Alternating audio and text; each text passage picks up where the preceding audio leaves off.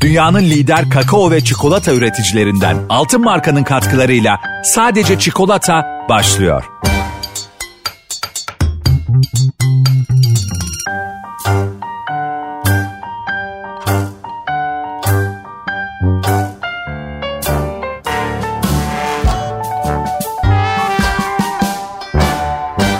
Sadece Çikolata'nın bugünkü bölümünde Boğaziçi Üniversitesi Sosyoloji Bölümü e, öğretim üyelerinden Profesör Doktor Zafer Yenal bizlerle birlikte.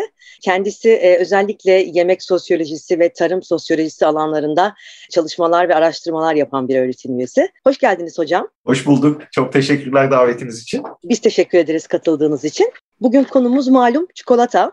Çikolataya bu sefer e, farklı bir eksenden bakacağız. Biraz tarihi yolculuğunu önce bir sizle irdelemek istiyoruz. Ve tabii ki toplumlar üzerindeki etkisini, e, geçmişten bugüne e, ruh halimiz üzerindeki etkisini belki konuşacağız sizlerle. Öncesinde e, ben sizle bu tarihi yolculuğu hakkında konuşmak istiyorum. Çünkü enteresan da bir yolculuğu var çikolatanın. Neredeyse Mayalar, Aztekler dönemlerine kadar uzanan bir hikayesi var. E, çok değerli bir tarım ürünü sizin de hani akademik çalışmalarınızda göz önünde bulundurduğumuzda siz e, bu çikolatanın gelişimini nasıl görüyorsunuz? Bize birazcık bu tarihsel süreçten bahsedebilir misiniz? Tam da sizin söylediğiniz gibi aslında e, çikolatanın tarihi oldukça eski. Çikolata demeyelim de e, çikolatanın ana malzemesini oluşturan, e, özünü oluşturan kakaonun aslında tarihi epeyce eski.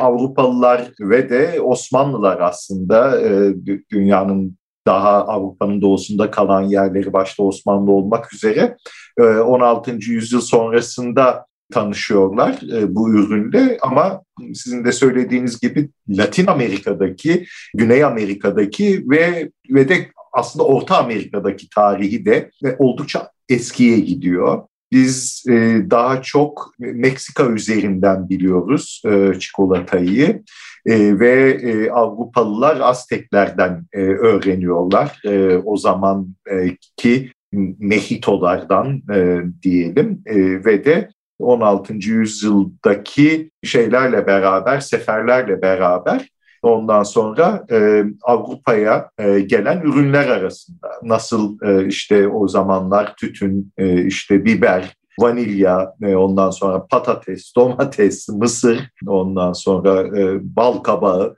e, Amerika'dan Avrupa'ya e, geldiyse e, bu, bu yönde yeni kıtadan eski kıtaya gelen ve de geldikten sonra da Avrupa'nın hayatını en azından e, yemek hayatını çok ciddi şekilde ve sadece de yemek hayatını değil aslında kültürel dünyasını e, şekillendiren ürünler arasında e, yer alıyor.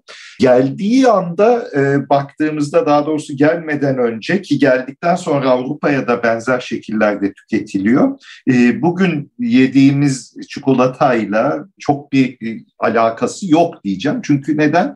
Henüz çikolatalaşmamış bir kakao e, tüketiminden bahsediyoruz ki bu da e, daha çok sıvı bir tüketim. E, ondan sonra kakao e, çekirdeklerinin dövülmesi ve, ve, ve belirli bir fermentasyon sürecinden sonra çoğunlukla biber ya da işte vanilyayla karıştırarak içilen bir e, gıda yüzyıllarca diyeceğim Güney Amerika'da e, ya da e, Karayipler gibi Orta Amerika yerlerinde. Ve de böyle çok besleyici bir gıda olduğu için aslında o zamanların yerli halklarının diyetinde de çok önemli bir yere sahip sadece daha ziyade beslenme açısından önemi değil e, kakaoyu önemli kılan e, ondan sonra e, özellikle bu toplumlar için e, böyle çok merkezi bir yere yerleştiren aynı zamanda sosyal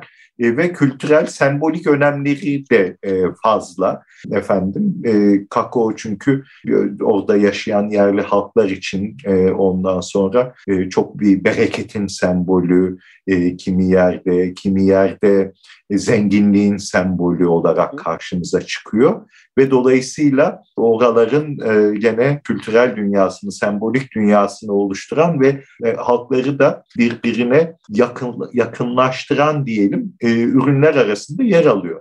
Ama burada şunu da belirtmek lazım. genellikle buralara özgü olduğu, buralara endemik bir ürün olduğu için daha sonra Avrupa'da gördüğümüz gibi e, bir takım sosyal hiyerarşiler tüketimini belki de Avrupa'da olduğu kadar sınırlamıyor. Yani herkesin ulaşabileceği, kısmen de ulaşabileceği bir ürün. Ama yine de tarihsel kaynaklara bakacak olursak aynı Avrupa'da olduğu gibi özellikle toplumun daha elit kesiminin e, kakaoyu e, içtiğini, ondan sonra kakaoyu e, tükettiğini biliyoruz. E, fakat dediğim gibi buralara endemik olduğu için ve daha fazla coğrafya, e, coğrafi koşulları e, nedeniyle de özellikleri nedeniyle de daha fazla yerde kakao yerleştiği için muhtemelen Avrupa'ya kıyasla tüketimi çok daha geniş kitleleri de içerisinde barındırıyor kakao geldiği yerde yani Orta ve Güney Amerika'da. Şimdi e, buyurun. E, çok güzel bir yere değindiniz hocam. Çünkü ben de tam bununla ilgili bir şey soracaktım. Bu hiyerarşik mevzularla ilgili. Mayalar, Olmekler, Aztekler gibi eski Orta Amerika e, topluluklarında dediğiniz gibi daha erişilebilir bir konumda olduğu gözüküyor. Tabii endemik olmasının da bir etkisi var eminim bunda. Ama yine de e, bazı topluluklarda işte kralların içeceği, tanrıların içeceği gibi böyle biraz daha tanrısal semboller de atfedilmiş okuduğum kadarıyla kakaoya. Ama Avrupa'da durum daha farklı. Orada biraz daha güç ve zenginlik sembolü olmuş değil mi? Evet, evet çok doğru, çok doğru ve e, aslında birçok ürün de aynı şekilde giriyor. Sadece kakao değil, e, aynı zamanda mesela kahvenin tarihine bakacak olursanız, şekerin tarihine bakacak olursanız Avrupa'da görece daha geç e, popülerleşmişlerin e, tarihine. Şeker bir nebze tabii daha istisna çünkü e, şeker yeni dünyalı bir ürün değil. Eski dünyadan yeni dünyaya gitmiş. Yeni dünyada işte plantasyonlar vasıtasıyla üretimi hayli e, artmış ve bu yönüyle de Avrupa'ya çok daha sıklıkla e, ihraç edilir hale gelmiş ya da ithal edilir hale gelmiş diyelim. E, şimdi fakat gene bütün bu ürünler yani kahvedir, e, efendim işte çikolatadır, e, şekerdir 16. 17. yüzyılda hep daha lüks bir tüketim e, malzemesi olarak ortaya çıkıyor. Daha çok sizin de söylediğiniz gibi toplumun elit kesimlerinin, aristokrasinin, toprak sahibi sınıfın ve de krala yak, yakın olan e, sınıfın tükettiği, sınıfların tükettiği bir ürün olarak ürün ya da ürünler olarak karşımıza çıkıyor. Bütün bunlar çikolata da böyle. Ve bu durum 18 ta 19. yüzyıla kadar aslında biraz daha görece e, nasıl sanayileşmenin olduğu ve de e, artık e, bu tür ürünlerin e, kahvenin, şekerin, e, çikolatada dahil olmak üzere yavaş yavaş kitleselleştiği bir zaman 19. yüzyıl. Bu zamana kadar e, çikolata e, hakikaten daha çok aristokrasinin e, tükettiği bir gene içki e, çünkü e, şey değil içecek ya da e, çünkü e, kakaonun çikolatalaşması 19. yüzyılın başı 1820'ler sonrasında. Onun öncesinde de aynı geldiği yerlerde olduğu gibi Avrupalılar için, zengin Avrupalılar için, e, ondan sonra iktidar sahibi Avrupalılar için e, genellikle hatta sabah kahvaltılarında daha çok tüketilen bir içecek olarak karşımıza çıkıyor. Burada enteresan bir anekdotu da altını çizmek isterim. Ondan sonra Mozart'ın biliyorsunuzdur Così fan tutte operası var. Burada bu operadaki hizmetlilerden bir tanesi, işte sahnelerden bir tanesinde çikolata karıştırır ve e, bir yandan da e, bu duruma dair ondan sonra işte izlenimlerini e, şey yapar operada. Ondan sonra şikayet eder. Ne kadar sefil bir hayatım var der. Sabahtan akşama kadar çalışıyorum, terliyorum, ondan sonra uğraşıyorum. Fakat sonuçta işler bitmiyor. Biri bitiyor, biri başlıyor. Ondan sonra ve sonunda da der ki ya yarım saattir bununla uğraşıyorum. Uğraştığı da nedir? E, çikolata hazırlamak e, hanımları için. Ondan sonra nasıl da canım çekiyor der. Ondan sonra fakat bu yoksulluk yani ben sadece işte bunun kokusuyla mı yetineceğim? Benim zevklerim yok mu? E, çok hiyerarşik bir toplum aslında e, aristokrasinin yediği, ondan sonra yoksul sınıfların yediği, onlara hizmet eden, onlara vergi veren şeylerin yediği, sınıfların yediği tamamen farklı e, şeyler. Çikolata da dolayısıyla bunların ulaşılamadı ve yavaş yavaş oradaki hizmetçi e, böyle ufak bir protesto şeysi de yapar. Ya der bunlar gelmeden, hanımların gelmeden ben bir de tadına bakayım bunun. Ondan sonra ve tadına baktığı zaman aman der ne kadar da güzelmiş, ne kadar da tatlıymış, ne kadar da hoşmuş falan neyse hanımları gelir sahne kapanır. E, ama diyeceğim yani e, geldikten sonra da yavaş yavaş artık şekerden de bahsettim biliyorsunuz. Artık Avrupalılar için tek başına değil de daha ziyade sütle ve şekerle karıştırılarak içecek, karıştırılarak yapılan bir içecek halini alır ve 18. yüzyılda da genelde e, hani e, şeker de dahil olmak üzere daha lüks maddeler olduğu için ondan sonra aristokrasinin böyle bir statü ve e, şey e, sembolü olarak, güç sembolü, iktidar sembolü olarak karşımıza çıkan gıdalar arasındadır. Gene bakın enteresan bir şey daha söyleyeyim size. Mesela o dönemler kahveyle çikolatayı kar- karşılaştırdığınız zaman da enteresan bir bir takım sonuçlara ulaşılabilir. Ee, mesela e, kahve daha ziyade kuzey ülkelerinde e, yani İngiltere'dir, Fransa'dır, daha sonra e, işte Almanya'dır falan buralarda daha bir içilen, daha fazla e, tüketilen bir ürün olarak karşımıza çıkar. Çikolata ise daha çok güney ülkelerinde, başta İspanya olmak üzere. Zaten İspanyollar getirdikten sonra 16. yüzyılda neredeyse kimseyle bunu paylaşmamışlar ve daha çok bir İspanyol içkisi olarak, içeceği olarak kalmış. Daha sonra 17. yüzyıldan itibaren başka yerlere de gitmiş. Ondan sonra ama hani popülerliği bir İtalya'da, bir efendim e, Güney Fransa'da ya da e, İspanya'da olduğu kadar, Portekiz'de olduğu kadar oralarda artmamış. Popülerliğinin artması Avrupa'nın başka yerlerinde hakikaten biraz daha e, şey olduktan sonra kakaonun, çikolata, çikolatalaştıktan sonra ki zaten ilk çikolata çikolatalaştıran kakaoyu biliyoruz kuzey ülkeleri. Kim bunlar? Hollandalılar ve İsviçreliler. Hocam e, şimdi bu aristokrat hanımlardan bahsederken aklıma geldi. Okuduğum bazı kaynaklarda özellikle kahve ve çikolatayı da şöyle ayrıştırıyor.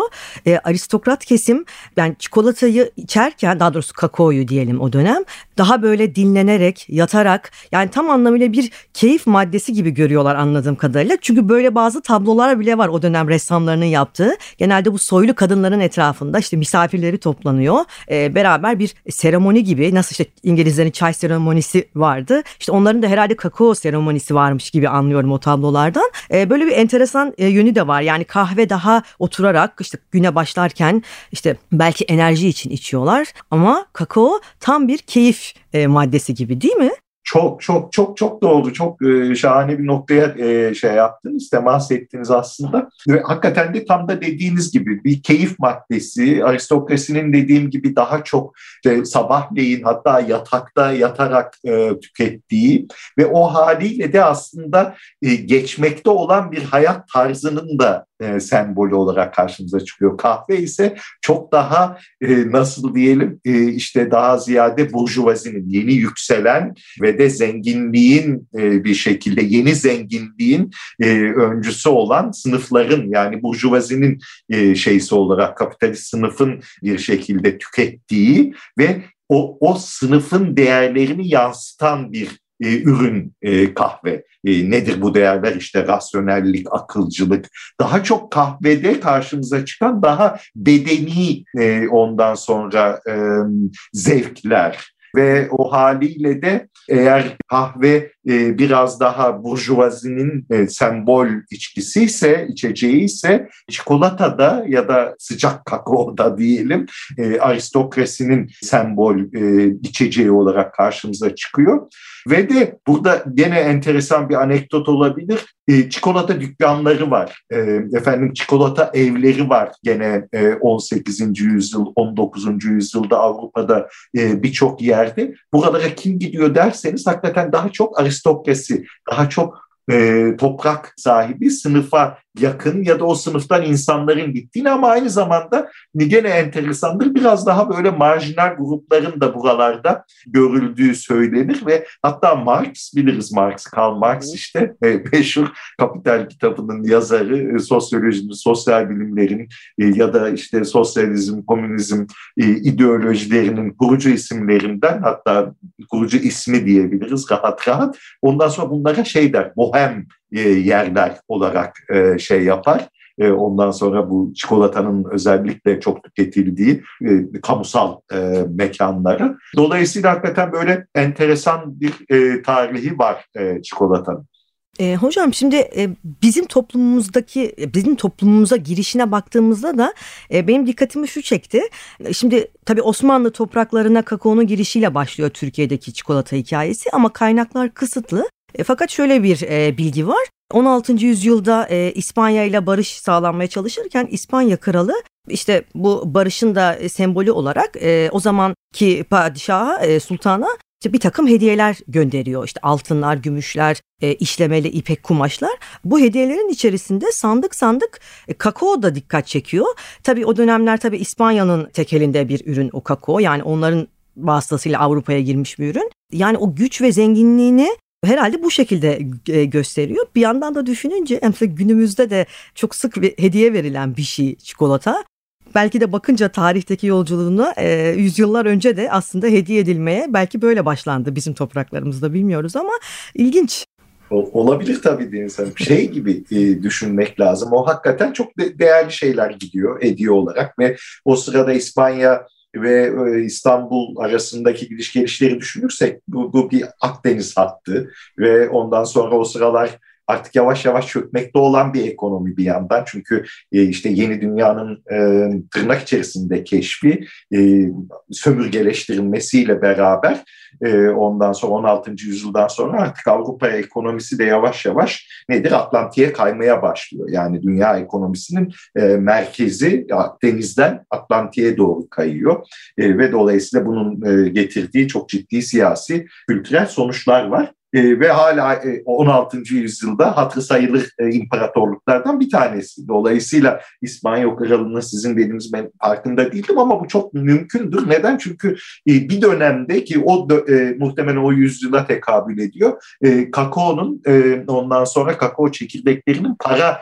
yerine olarak kullanıldığını kısa dönemlerde de olsa zaman zaman biliyoruz. Hatta geldiği yerde yani Güney Amerika'da da bunun e, bugünün Latin Amerika'sı ondan sonra gene böyle e, kullanım tarzları olduğunu da biliyoruz. Dolayısıyla e, e, hani baharat göndermek e, efendim öbür taraftan bu tarafa buradan kakao göndermek vesaire falan bunlar iyi niyetin e, ondan sonra sembolü olarak da evet kendini özellikle gösteren hareketlerdir muhtemelen. E, evet dediğiniz gibi mayalar döneminde e, tabii o kadar değerli bir ürün ki ticari faaliyetlerde o takaslarda para birimi yerine kullanıldığı zamanlar bile olmuş kakaonun. Yani aslında baktığımızda e, böyle yüzyıllar içerisinde belki anlam değiştirmiş ama hep bir şeyin sembolü olmuş. Ya kimi zaman para olmuş, kimi zaman güç ve zenginlik olmuş. Günümüzdeki geldiği yere baktığımızda peki acaba nasıl görüyoruz? Şimdi e, çünkü artık modern toplumda çikolata zaten çok kolay eriştiğimiz bir lezzet.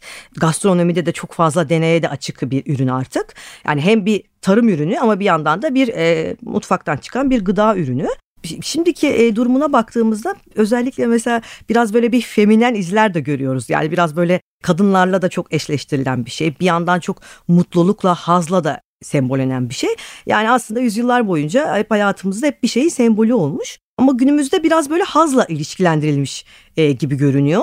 Sizce de öyle mi? Yani hakikaten o sadece kimyasal etkileri yüzünden mi böyle düşünüyoruz yoksa o lezzetin verdiği hazdan dolayı mı biz böyle hissediyoruz? Yani çikolata niye bu kadar özel oldu artık bizim için?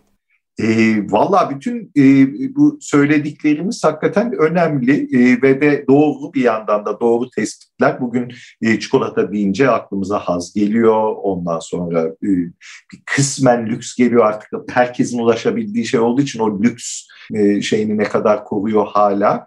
E, emin değiliz tabii ama zaman zaman kimi çikolata e, türleri ondan sonra hala o kategoride değerlendirilebilir ve e, hani baktığımız zaman aynı bir sorumuz çok e, önemli. Geleceğim oraya ama şunu da bir geç, geçmeden e, şey yapmak istiyorum. Tarihini henüz kapatmadan yani o e, konuştuğumuz konuyu. Şeyin de altını çizmek lazım. Yani kakao da aynı şeker gibi kahve gibi ondan sonra genel e, özellikle 16. yüzyıldan sonraki tarihine baktığımız zaman böyle çok da tatlı bir tarihi yok plantasyon ekonomileriyle, evet. sömürgeleşmeyle, kölelikle e, ondan sonra iç içe geçmiş ve e, aslında e, yüzyıllarca diyeceğim çünkü 16. yüzyıldan sonra bunun büyümesi beraberinde de çok ciddi bir takım emek sömürüsünü ve özellikle de Afrikalı insanların işte sömürgeleşmeyle, emperyalizmle beraber şey yapılmasını beraberinde taşımış. Ama bir yandan da tabii ki şeyle baktığımız zaman e, tam da sizin söylediğiniz gibi özellikle e, işte 1820'lerden 30'lardan sonra olayın endüstrileşmesi, kakao ile çikolatanın yollarının neredeyse tamamen ayrılması, e, artık yavaş yavaş e, e, kakao ya da sıcak çikolata diyelim çocukların ondan sonra e, diğer e, çikolata ise bizim bildiğimiz ondan sonra içerisinde hem şeker olacak hem işte süt olacak ve başka işte fındık, fıstık her neyse içinde e, karıştırılan e, barların ortaya çıktığı e, dönem. Tabii ki şeyin de pazarlamasının, reklamının filan da arttı arttığı e, ve bu haliyle de daha çok e, insanın tükettiği, kitleselleştiği bir ürün haline geliyor. Ve bu tür kampanyalarda da tam da sizin söylediğiniz gibi çikolata daha çok lüksün, ondan sonra hazzın ve de e, daha rahat yaşamların ondan sonra bir sembolü olarak karşımıza çıkıyor. Bütün bunların elbette çok büyük önemi var ve bunların böyle kodlanmasında, bunların bu şekilde sunulmasında bence bu kolonyal tarihinin e, bir yandan bir e, etkisi var. Ondan sonra daha egzotik bir e, ürün olarak karşımıza çıkıyor. Çünkü mesela çikolatanın illa daha siyah bir ürün olarak görülmesi, illa ki arkasında böyle daha egzotik ve daha nasıl diyelim Amerikalı, daha Afrikalı hı hı e, kökenlerine bir gönderme olarak özellikle 19. yüzyıl Avrupa'sında şey yapılabilir. Unutmayın çünkü bir yandan öteki ama bir yandan da öteki egzotik olan, farklı olan ve o anlamda da çekici olan bir ürün ve bu tür e, pazarlama şeyleri falan da çok sık görülüyor.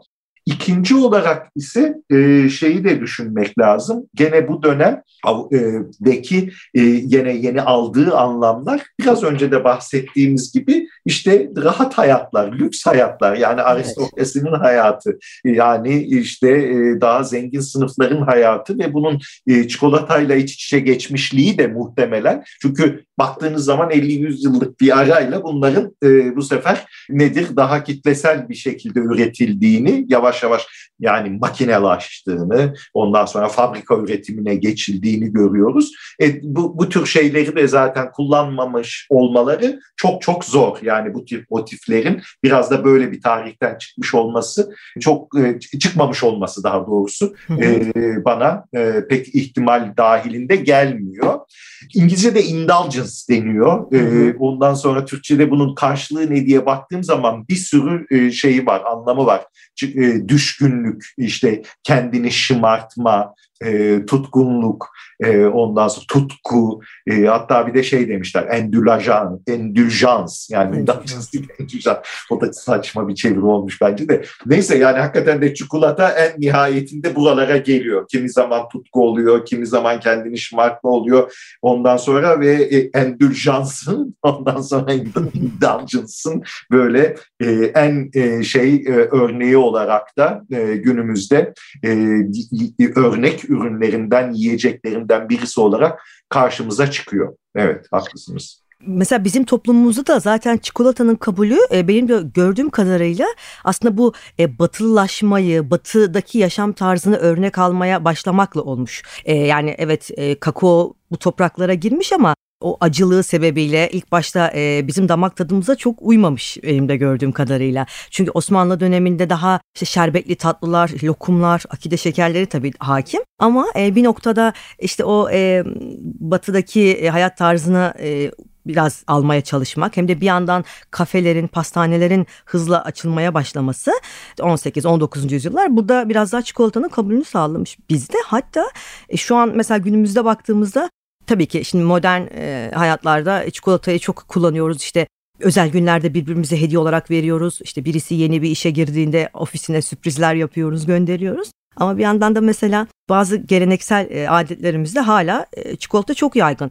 Yani bayramlar tabii bunun güzel bir örneği ya da işte söz nişan seremonilerinde işte e, gümüş tepsilere çikolatalar doldurulup ailelere götürülüyor. Yani aslında biz batıdan böyle onu al, alıp ama çok işselleştirilmişiz gibi de yani bayağı adetlerimize de yedirmişiz gibi gözüküyor değil mi çikolatayı? Doğru, doğru çok çok doğru. Yani bu Saadet Özen'in çalışması vardır. Ee, eminim evet. biliyorsunuzdur. Özellikle de onu e, şey yapmak isterim hatırlatmak isterim dinleyicilere de konuda daha e, teferruat sahibi bilgi e, kazanmak istiyorlarsa, bilgilenmek istiyorlarsa e, çok iyi bir kitaptır e, ondan sonra ve orada da bahsediyor zaten. Saadet Hanım şey e, hakikaten 19. yüzyıl sonlarına doğru görece Avrupa'da daha geç giren yerlerden ama 20. yüzyıla mesela Nestle'nin işte yatırımlarını biliyoruz 1920'lerde hatta e, ilk şeysi açılıyor falan ve ondan sonra da birçok ve onunla birlikte ve onun öncesinde ve sonrasında da hakikaten birçok şey var. E, bu işletme var, e, birçok girişim var bu yönde çikolatacılık yönünde. Ondan sonra dediğiniz gibi pastanelerde karşımıza çıkıyor. Ondan sonra eski pastaneler falan hala günümüzde de örnekleri vardır hatta. Baylandır şudur budur. Ve dolayısıyla da hakikaten bizim kültürel yani Türkiye'deki genelde kültürel böyle misafirperver, e, misafirlik e, pratikleri, kutlama pratikleri, bütün bunların içerisine de bir şekilde girmiş ve girerken de hakikaten nedir? Hem tatlılığını beraberinde getiriyor herhalde. E, ondan sonra tatlı yiyelim, tatlı konuşalım muhabbeti. Ondan sonra bir yandan da efendim böyle bir lüks şeysi olması da hani böyle karşılıklı alınıp verildiği zaman birbirlerine insanların gö- gösterdiği ihtimamın, e, özenin, karşılıklı verdiği değerin bir e, şey olarak, e, sembolü olarak karşımıza çıkıyor. Ama bir yandan da şeyi de unutmamak lazım. Çikolata artık e, sektörü de günümüzde acayip değişiyor, dönüşüyor değil mi Deniz Hanım? Yani Doğru, çok doğru. Şu anda da yani makbul çikolata nedir ya da çikolata neden tercih edilir diye sorduğumuz zaman e, bir 15-20 sene önce aklımıza gelmeyen bir takım e, unsurlar da yavaş yavaş e, şey yapmaya başladı, e, girmeye başladı e, işin içerisine. Belki kısaca onlardan da bahsedebiliriz. Ne bileyim bundan yine bir 15-20 sene öncesine kadar işte tek orijinli, ondan sonra tek evet. kökenli kakao çekirdeklerinden yapılmış çikolata ve bu çikolatanın hani makbul sayılması gibi bir durum pek yoktu. Ve hakikaten nereden geliyor bu kakao çekirdeği falan diye genelde tüketiciler düşünmezdi. Çok daha endüstriyel bir üretim e, tarzının ve e, bunun e, yarattığı bir e, ticaret sisteminin bir parçasıydı. Şimdi giderek günümüzde e, daha artizanal, daha ustalık isteyen efendim e, çikolata e, türleri ortaya çıkmış vaziyette. E, bunlar sadece ustalık açısından değil, hakikaten nereden geliyor bu işin, kim yetiştiriyor bunu, bu nasıl bir coğrafyada üretiliyor, e, yetiştiriliyor gibi e, birçok farklı üründe olduğu gibi ondan sonra yediğimiz, içtiğimiz şeyde biraz bunları dert eder hale ge, ge, geliyor tüketiciler. Bence bu da çok önemli ve geçmişten yani geçmiş derken de yeni geçmişten diyelim yani yani bir 20-25 sene öncesine kıyasla e, bugünkü çikolata tüketimini farklılaştıran e, unsurlar arasında. Bir yandan da bakın gene hiç olmadığı kadar çikolata bugünlerde sağlık açısından bakıldığında da böyle e, çok daha sağlıklı görülen e, ürünler arasında da bir yandan. Bu da bana enteresan evet. geliyor. Değil mi? Yani böyle kakao oranının yükselmesiyle, daha koyulaşmasıyla ondan sonra da Değil mi? O, o da mesela enteresan bir, e, bir 20-30 sene öncesinde zaten bu kadar çok sağlığı kafaya takan insanlar değildi e, insanlar. Ondan sonra giderek yeme içme pratiklerinde sağlık konusu e, ondan sonra iyice aynı artizan, artizanal üretim gibi zanaatkarlık konusu gibi ya da teruar coğrafya konusu gibi ondan sonra bunlar yeni yeni ortaya çıkan şeyler yeni yeni derken de işte 10-20-30 senedir bu da enteresan aslında. E, çok doğru. Sağlık konusu çok doğru. E, bu kakao oranı yükseldikçe işte daha fazla tercih edilir hale geldi şu anda. Hani biraz daha böyle yeme içme pratiklerine dikkat eden kişiler arasında. E, şimdi yine aslında tarihe dönüp baktığımızda da bazı topluluklarda e, bu likit halde içilen kakaonun zaten şifalı olduğuna inanılıyormuş. Yani Orta Amerika'da da bu tarz veriler var. Avrupa'da da e, özellikle mesela seyyahlar Kimi zaman yanlarında bunu taşırlarmış ki işte vücutlarının direnci artsın, o uzun yolculuklarda güçten düşmesinler diye likit halde bunu içerlermiş. Şimdi günümüzdeki o bu bitter dediğimiz o yüksek kakaolu aslında çikolatalarda belki işte hani o zamanın e, likit kakaosu neyse şimdi burada işte artık yüzde 99 kakao oranında bile çikolatalar var yapılıyor bunlar. İşte belki de aslında bu e, şif, şifalı düşüncesi yüzyıllardır varmış e, yeniden hayat bulmuş gibi oldu.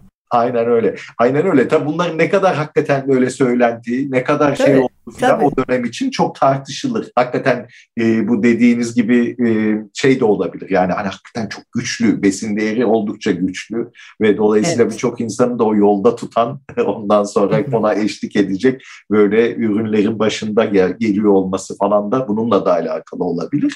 E, ama öyle ya da böyle e, evet e, dediğiniz gibi şey bu e, sağlıkla olan e, e, irtibatlandırılması, ilişkilendirilmesi da haklısınız. E, günümüzde belki daha da arttı ama e, bunun e, geçmişi de var, tarihi de var. Güzel. Evet.